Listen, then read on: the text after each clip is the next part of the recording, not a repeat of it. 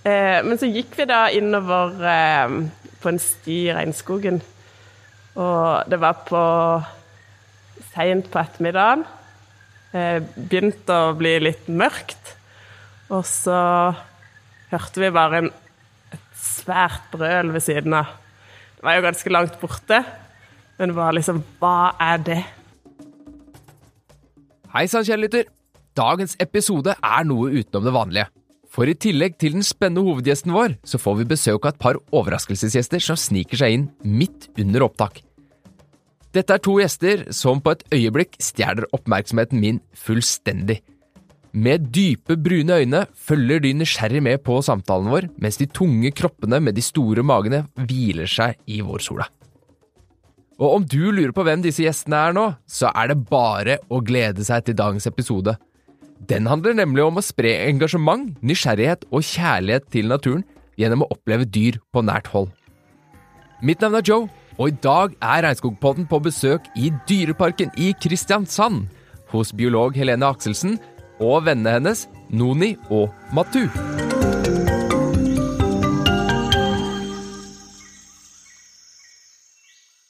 Ja, eh, Helene, velkommen hit til Regnskogpodden. Eller vi får vel egentlig heller si uh, tusen takk for at vi fikk komme på besøk. Ja, så gøy at dere kommer her i Dyreparken. For dette her må jo være kanskje den rareste plassen jeg har spilt en podkast. Det må jeg innrømme. Eller den fineste plassen. Ja, det kan jeg også være veldig enig i. Uh, for hvor er vi hen uh, nå? Nå er vi ved orangutangene våre. Så vi sitter faktisk og ser inn på området de sitter nå. Eh, men akkurat nå så spiser orangutangene frokost, så de kan vi ikke se for øyeblikket. Nei, og vi sitter jo her og ser eh, noen høye trær og masse klatretau, og det ser jo ut som en diger lekeplass, eh, egentlig. Ja, det er jo veldig viktig for orangutangene å ha mye, klatre, mye å klatre i, for de er jo dyr som lever i trærne. Eh, så det er et område som er tilpassa for de. Det ser jo veldig bra ut. Du, vi skal jo prate litt mer eh, om orangutangene etterpå, men uh, først og fremst, hvem er du? Altså, Helene, du er jo biolog her i Dyreparken. Ja. Men hvordan endte du opp som biolog her i Dyreparken? Hvem, hvem, er du? Hvor er det dette engasjementet ditt for dyr og, og natur og biologi egentlig starta? Nei, Jeg har alltid, så lenge jeg kan huske, vært veldig interessert i naturen og dyr. Eh, det er veldig vanskelig å si akkurat når det starta, men når jeg tenker tilbake når jeg var liten, så var jeg sånn at eh, jeg lå liksom og gravde etter eh, små insekter. Og vi var veldig mye på sjøen, så jeg var veldig interessert i livet i havet. Og brukte mye tid på å utforske det. Og når jeg hadde, var veldig glad i dyr hele tida, så jeg hadde eh, mye dyr hjemme og stelte mange dyr og passa mange dyr, og da var det jo kjæledyr. Mm. Eh, men det gjorde nok at jeg fikk et veldig sånn sterkt bånd til dyr, og ble veldig engasjert og interessert i dem. Eh, og jeg følte at jeg fikk en forståelse for dyrene som gjorde at jeg ble veldig opptatt av dyrene i naturen. Og eh, det har jo egentlig bare blitt mer og mer jo eldre jeg har blitt. Eh, litt tilfeldig så havna jeg på å studere biologi, eh, og jeg hadde tenkt å bli veterinær, men eh, når jeg begynte på biologi, så kunne jeg aldri slutte med det, for det var så spennende eh, verden. Så du har egentlig bare gått fra å være et lite barn som var interessert i natur, og så bare har den interessen egentlig bare vokst med deg hele, hele veien, da? Ja, det har egentlig bare blitt Altså, det er litt sånn at det blir eh, gøyere og gøyere jo mer du kan. Ja, ikke sant? Og nå kan du jo ganske mye. Og nå får ja, du lov nå, å jobbe. nå er jeg jo heldig at jeg får jobbe med dyr eh, hver eneste dag. Um, så jeg kan jo uh, Som jeg sier, jeg kan litt om alt. Jeg er ikke ekspert på noen ting, men eh, jeg kan uh, litt om mye i naturen. Og du, eh, Nå fikk vi litt eh, bakgrunnslyd her også, for det skjer jo ting i Dyreparken eh, hele tiden.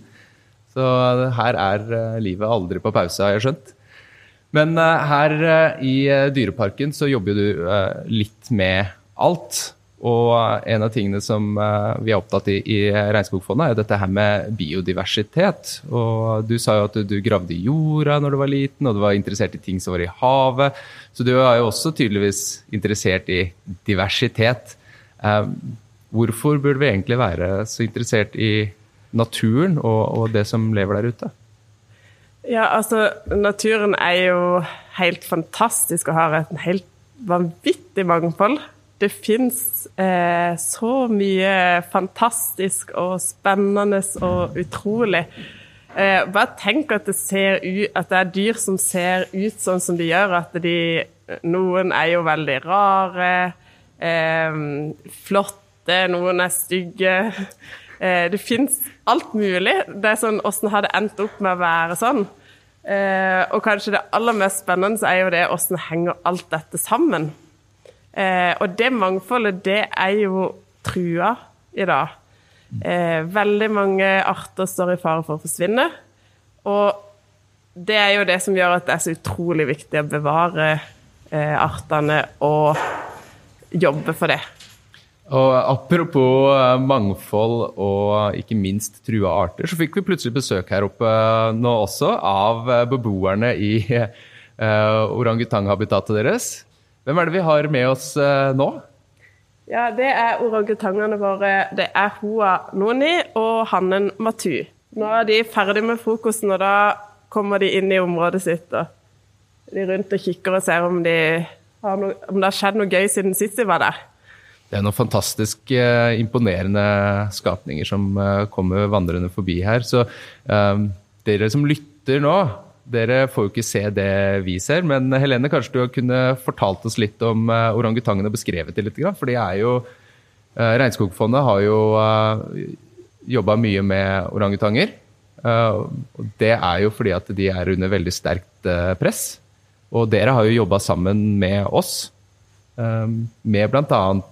Kampanjer for å belyse nettopp truslene mot orangutangene.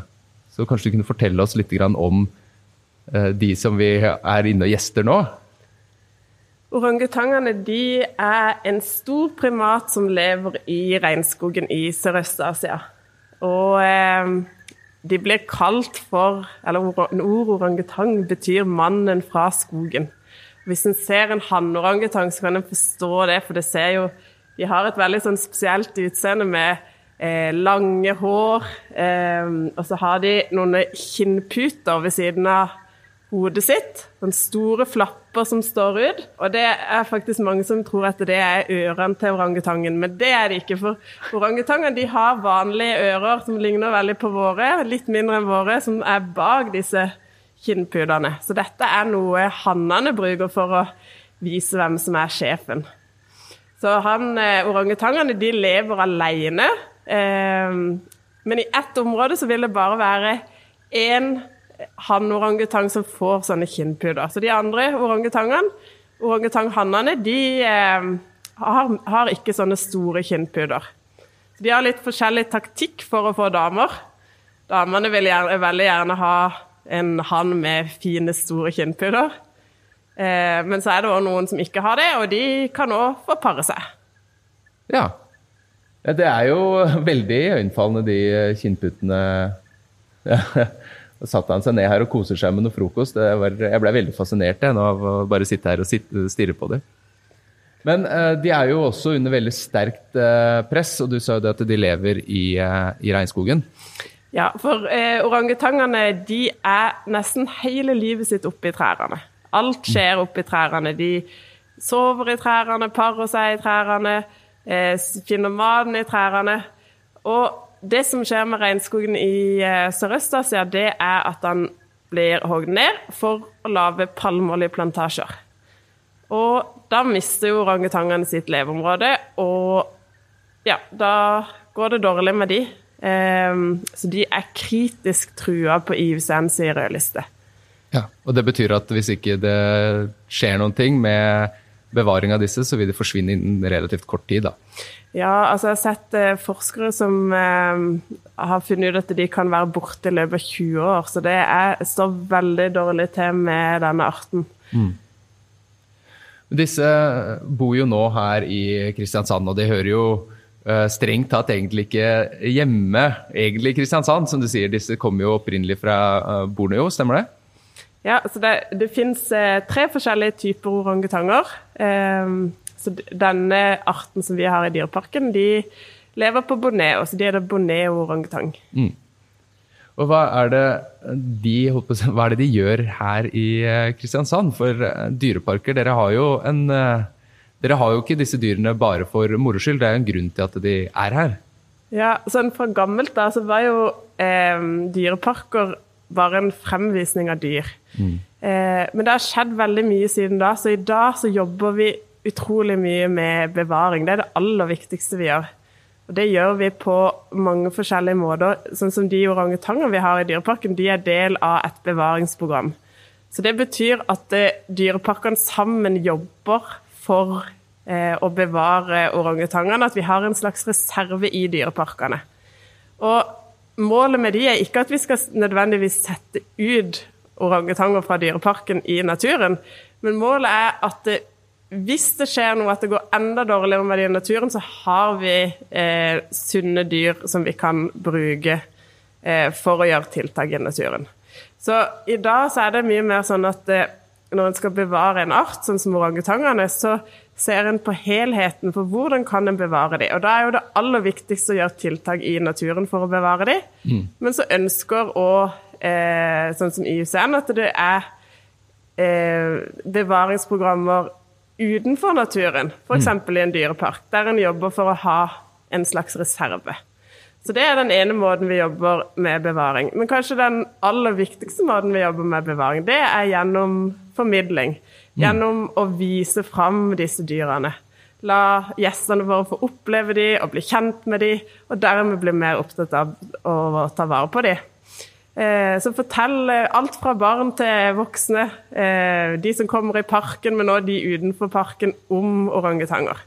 Og Der har vi jo samarbeida veldig mye med Regnskogfondet om å sette fokus på det med at regnskogen blir hogd ned og for å lage palmeoljeplantasjer, og at det truer orangutangene. Du nevner bl.a. Eh, palmeoljeplantasjer og dette her med at de hugger skogen. Um, hva er årsaken til at disse orangutangene ikke bare kan flytte til en annen skog? Altså, det... Det, er jo, det... er jo, noen som kanskje tenker det at ja, men de er jo store, de kan jo bevege seg fra tre til tre. Kan de ikke bare flytte til, annet, til en annen skog? Ja, altså eh, Det som er et stort problem, er at de plantasjene deler opp regnskogen veldig. Og så går orangutangene mye ut i plantasjene. Og da spiser de palmeolje på frukten. Og den frukten er helt naturlig for orangutanger å spise, for den mm. fins i regnskogen, men ikke i sånne store mengder som de gjør på en plantasje. Så de går ut der for å spise frukten, og så blir de jakta på, for det, da blir de jo, tar de jo frukten som skal eh, selges, dyrkes og selges. Og eh, ungene blir veldig ofte fanga inn og solgt som kjæledyr. Og de er ikke kjæledyr. De trenger å eh, være et sted der de kan klatre og egentlig være i sitt naturlige habitat. Så de møter eh, rett og slett utfordringer omtrent fra hver kant, da, både med som du sier, med kjæledyrhandel og med minskende habitater og konflikt med, direkte konflikt da, med mennesker. Ja. Men hva er det de som lytter til oss nå, hva er det de kan uh, gjøre da, hvis de ønsker å bidra til å hjelpe disse orangutangene? Altså det, det en kan gjøre eh, fra Norge, er jo å være bevisst på en, hvilket forbruk en har. Hva en eh, F.eks. om en bruker palmeolje. For der kan vi være med å påvirke. Nå er det jo blitt mindre palmeolje i eh, mat og andre produkter i Norge enn det det var tidligere, men fremdeles er det palmeolje en del ting. Du kan velge produkter med lite eller ingenting palmeolje helst. Og så kan en eh, være bevisst på f.eks. sånn eh, når en kjøper møbler, at ikke det kommer fra regnskogen. Eh, og hvis en er på ferie f.eks. i Asia, så hender det at en får tilbud om å ta bilde sammen med en orangutang. Mm. Og da er det best å takke nei, for det kan være en orangutang som har havna der av grunn av at mora er tatt livet av, og ungen er fanga inn til den eh, kjæledyrhandelen eller for å brukes med turister. Så det er jo litt sånn eh, Ja, være bevisst forbruker er jo egentlig det som en kan konkret gjøre. Det er jo veldig gode tips. Det er jo litt sånn som vi også jobber mye med i Regnskogfondet, å bevisstgjøre. Nå, som du sier, det står jo litt dårligere til med orangutangen enn det vi eh, veldig gjerne skulle ønske, men her i Dyreparken så jobber dere jo med andre ting også enn bare orangutanger. Dere har jo noen andre regnskogsdyr her også? Ja, vi har ganske mange dyr fra regnskogen, og mange av disse er jo egentlig primater. Vi har um eh, sjimpanser, blant annet. Og prim eh, primater, der folk eh, stort sett, da tenker de stort sett apekatt, men ja. det gjelder også menneskeaper, da, som sjimpanser ja. og Så det er eh, Vi har sånn som eh, javalangur og gibbon, edderkoppape og små tamariner. Eh, så har vi noen fugler og noen reptiler som kommer fra regnskogen. Og noen veldig kule dyr som heter tapir. Det er det ikke sikkert alle vet hva er, men det er eh, de ser jo på en måte litt sånn ut som en blanding mellom alt mulig. De har en snabel, og de har en veldig sånn stor, kompakt kropp. Men de er faktisk i nær slekt med hest. Ja. De ser jo ikke ut som en hest. Nei, de ser ikke ut som en hest. Første øyekast. Blanding av elefant og gris. Ja. Du må jo ha eh, en eh, veldig fin jobb, eh, Helene, vil jeg tro. Ja, veldig glad i jobben min. Det er utrolig gøy å kunne jobbe med alle disse spennende styrene, bli kjent med de. Kunne ta oss gjennom en nå vil jeg si en vanlig dag for deg, men jeg har jo prata med deg tidligere også og skjønner det at en vanlig dag for deg er jo ikke en vanlig dag. Du har jo mye forskjellig, men hvordan ser dagen din ut når du jobber som biolog her i Dyreparken? det er jo eh, vanskelig å si hva en vanlig dag ser ut som, for det, det varierer veldig og er veldig avhengig av sesongen. Så eh, dyrepasserne som eh, jobber med dyrene, de har jo ganske sånn rutinejobb, gjør det samme hver dag. Mens eh, jeg jobber veldig mye med eh, vårt arbeid med bevaring. Eh, så jeg følger opp eh, alle disse bevaringsprogrammene som dyrene er med i, og jobber med noen bevaringsprogrammer i naturen. Så jobber jeg veldig mye med formidling. Og det er jo eh, Noen da tar en imot skoleklasser, noen da lager en skilter eller setter opp dyrepresentasjoner som dyrepasserne holder. Eh, noen dager er en med media, så det varierer utrolig mye. Eh, noen ganger lager du podkast. Noen dager lager en, lager en podkast. Plutselig er det et sykt dyr, og da hjelper jeg mye veterinæren eh, med, med, å eh, ja, behandle dyrene og ha hadde anestesi og sånne ting. Mm. Så det, det, er veldig, veldig variasjon, og det er jo det som er spennende. Og det er jo gøy å kunne, gå på jobb og ikke vite helt hva som skjer, for en vet ikke helt hva dyrene vil gjøre den dagen. Eh, så det er jo eh, ja, en utrolig interessant jobb.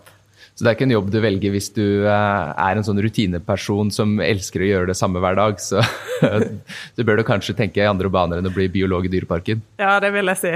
En må kunne gjøre litt av, litt av hvert og være litt sånn spontan og ja. ja. Har du vært i regnskogen, Helene?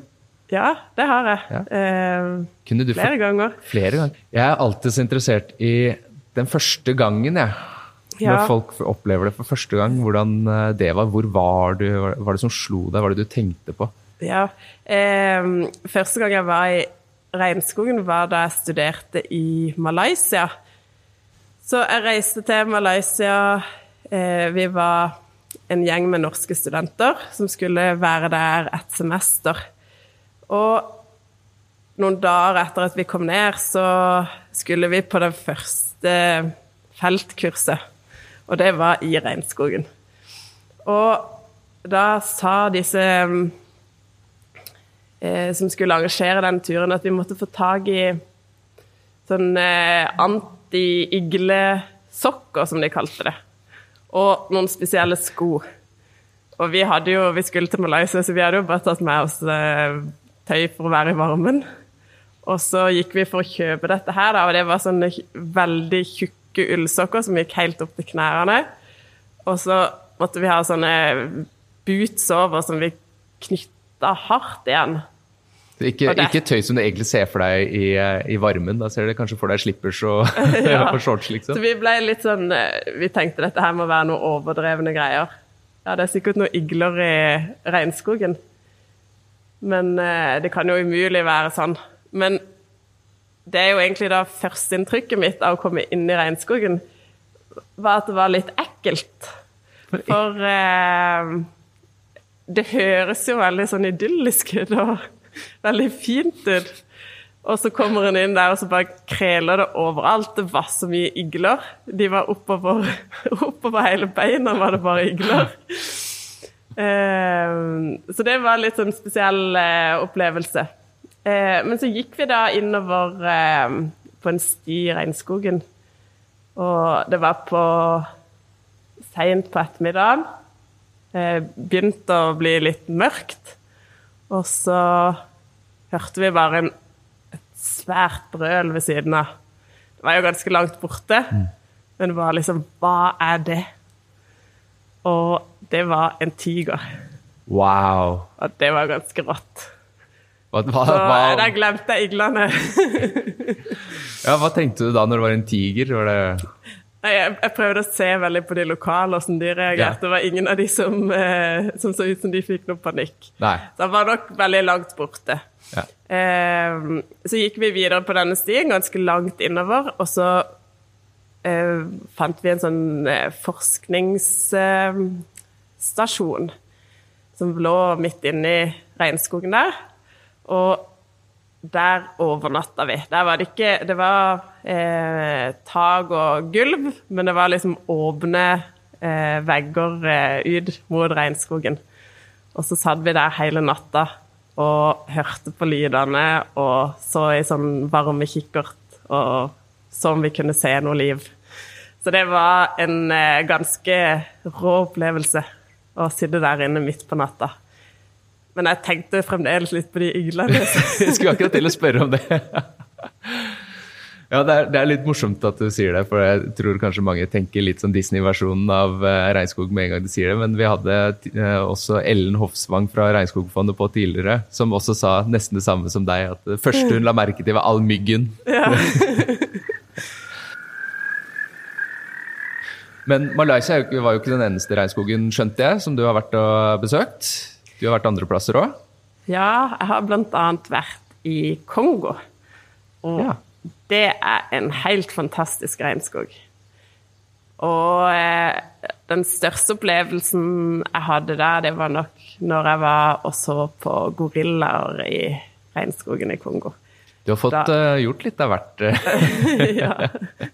Da går alle ferien på å reise og se på dyr. Uh, men uh, jeg var i Kongo, eller har vært der flere ganger, for vi er flere her i Dyreparken som er veldig engasjert i et sjimpanseprosjekt i Kongo. Og det er fordi at sjimpansene, de er jo òg sterkt trua. Mm. Og jaktes på for eh, kjøttet. Og så blir ungene gjerne fanga inn og solgt som kjæledyr. Og da ender eh, sjimpansene ofte opp i veldig dårlige forhold. De eh, Ungene er traumatiserte, for de har eh, sett på familien sin eh, gjerne bli drept. Mm. Og så sitter de i et eh, bitte lite bur og har det helt forferdelig. Eh, så kongolesiske myndigheter de når de beslaglegger eh, sjimpanser sånn som det, så kan de sende det til et eh, sjimpansesenter. Og det sjimpansesenteret har eh, jeg vært og besøkt eh, flere ganger. Der jobber en egentlig for å ta vare på disse sjimpanseungene. Målet er at de skal komme tilbake igjen i naturen, men det er veldig vanskelig eh, når de ikke har vokst opp sammen med familien sin. Ja, for hva er det som er, gjør det vanskelig? Ja, det er jo egentlig både at det er vanskelig å få det til i praksis i Kongo, mm. eh, men òg det at eh, de har jo en annerledes oppvekst enn det som er normalt. De har ikke vokst opp med en vanlig flokk. Men, men det vi har eh, lagt til rette for, da, det er at de har et eh, innegjerda skogsområde eh, hvor de lever mange sammen i flokk. Sånn at det skal ja, bli sånn tilvenning til å være i naturen. Og mm. så håper vi jo på sikt at det, det, blir mulig. Men det er jo utrolig viktig å jobbe med eh, å ha det senteret uansett. For eh, hvis ikke de har et sted å sende de sjimpanseungene som blir eh, beslaglagt, så velger de heller å ikke gjøre det. er erfaringa. Så da blir de, de sjimpansungene bare sittende der. Alene igjen i Ja. skogen. Og det er jo litt sånn hvis de opplever at eh, mange sjimpanser eh, At ikke det er lov å ha sjimpanser, og at de faktisk blir beslaglagt, at de får en straff, de som har de, så kan jo det hindre at det er flere sjimpanser som opplever det samme. Ja. Eh, Så det er jo en veldig sånn trist historie, men eh, ja, utrolig sånn meningsfylt å være med og jobbe med. Og det å få være i regnskogen i Kongo, som er en av de som er mest bevarte, faktisk, det er jo, eh, var en kjempeopplevelse. Så når vi var på vei inn til gorillaene, så hørte en eh, sjimpanseflokkene som satt og ropte i skogen. Og det var jo sånn nær en forfrysning nedover ryggen. Eh, og så kommer vi inn til gorillaene, og da er det sånn at det, eh, det var meg og så ei dame til. Det var jo ikke sånn som det er når en er på gorillasafari andre steder, for da er det gjerne sånn svær turistattraksjon. Ja, ja, ja. Mens her er det sånn eh, veldig få Det er ikke turister i Kongo. Eh, så der eh, var vi bare to stykker som gikk inn sammen med noen vakter. Og så kommer vi inn til denne gorillaflokken, og da ser de bare opp på oss. Og så bare fortsetter de med det de holder på med. Det er helt sånn stille og rolig. Og eh, den store silverbekken kom gående rett foran meg. Eh, og det er jo sånn eh, ja, som ikke jeg hadde tenkt at jeg skulle få oppleve noen gang. Det var veldig stort. Jeg kjenner Når du forteller det her, så får jeg nesten litt sånn frysninger selv.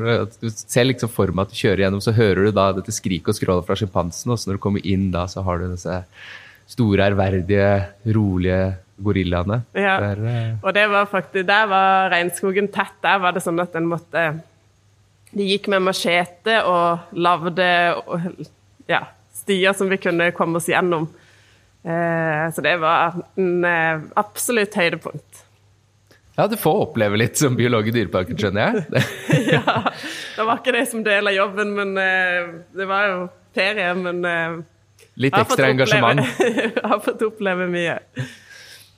Jeg, jeg kjenner jo at jeg blir også veldig eh, glad, eh, både på, på dyrenes vegne, men også på mine egne vegne, når du forteller at dere jobber sammen med eh, lokale, at man også tar vare på naturen der naturen er. Det er jo klart at eh, det er jo viktig, som du sier, det eh, rollen dyreparkene har der dyreparken er, er jo kjempeviktig. Men det er jo klart at eh, hvis man kan gjøre en stor innsats der hvor dyrene eh, lever opprinnelig også, så er jo det Ja, Altså- så det er jo kjempeviktig, og det er jo eh, Det aller viktigste for å bevare dyrene er jo å bevare de der de er. Eh, og lokalbefolkninga er jo nøkkelen til å få til det. Eh, uansett hvor det er hen. Så eh, det er å jobbe sammen med de som eh, er det som nytter. Vi eh, begynner jo å eh, nærme oss litt mot eh, slutten av podkasten her, men det er en ting jeg alltid lurer på, og det spørsmålet stiller jeg egentlig til alle jeg snakker med. Um, og det er hva er det aller beste med regnskogen i dine øyne? Det aller beste med regnskogen er mangfoldet. Tenk at det finnes så mye forskjellig på et såpass lite område. Eh, det er helt vanvittig. Eh, det er det som er absolutt viktigst å ta vare på. Helene? Tusen takk for at du tok deg tid til å eh, være med oss på, til en liten prat her i Regnskogpodden. Jeg vet at du er en veldig travel dame, så jeg er veldig glad for at du, fant litt rom i kalenderen din. Ja, takk for at jeg fikk komme. Så da håper jeg at du får en eh, strålende sesong her i Dyreparken. Og hvis du har eh, noen tips til eh, de som skal komme og besøke dere i sommer, så har du muligheten nå. Ja, da vil jeg jo selvfølgelig anbefale å bruke mye tid hos dyrene og eh, observere de skikkelig. Eh, for å bli bedre kjent med dyrene, så er det lurt å få med seg noen eh, dyrepresentasjoner. Og da er det en dyreprest som forteller litt om arten og de dyrene vi har i dyreparken. Så eh, ja, hjertelig velkommen, og jeg håper å se mange av dere i sommer. Tusen takk. Du har nettopp hørt på Regnskogpodden, en podkast produsert av Regnskogfondet i samarbeid med Norad. Liker du det du hører? Da vil vi anbefale deg å trykke på abonner-knappen på Regnskogpodden der du lytter til podkast. Da går du ikke glipp av episodene som kommer i nærmeste fremtid.